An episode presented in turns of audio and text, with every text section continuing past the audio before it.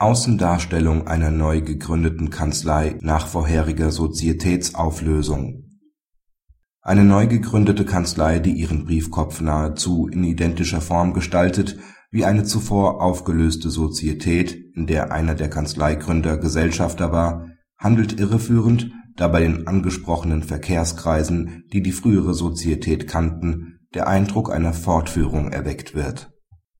Anwälte betreiben unter der Bezeichnung C1 Rechtsanwälte Notar eine Kanzlei in Form einer GbR.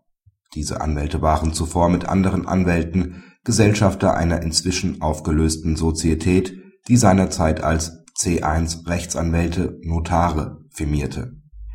Der Schriftzug C1 Rechtsanwälte Notar wurde auf Briefkopf und Internetseite der neuen Kanzlei genauso gestaltet wie bei der früheren Sozietät auf dem Briefbogen werden nur die aktuell in der Kanzlei tätigen Anwälte genannt, während auf der Internetseite auf die Auflösung der früheren Sozietät hingewiesen wird. Eine Anwältin hält dies für irreführend und beantragte, der Kanzlei zu untersagen, die Kurzbezeichnung C1 Rechtsanwälte Notar auf Briefbögen, Praxisschildern, Werbeträgern oder in anderer Form zu verwenden.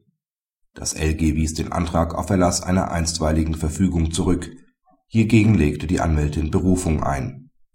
Das OLG Hamm hält den Anspruch hingegen für begründet.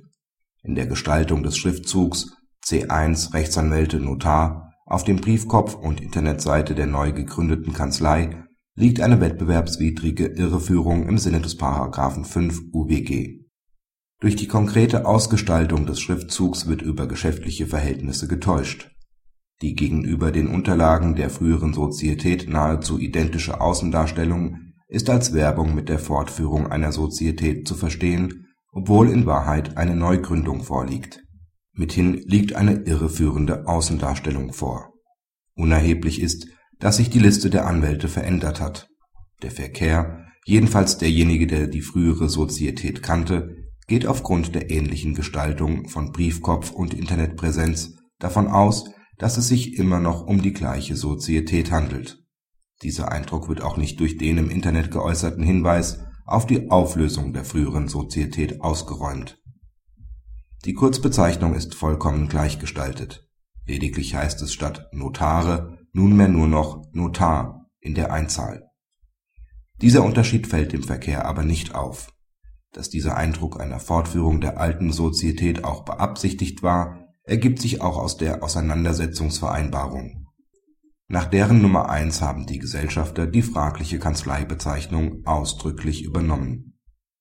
Praxishinweis Mit der Frage der Zulässigkeit einer Namensfortführung früherer Kanzleiinhaber bei Neugründung hat sich auch das OLG Stuttgart in der NJW 2005 Seite 3429 befasst.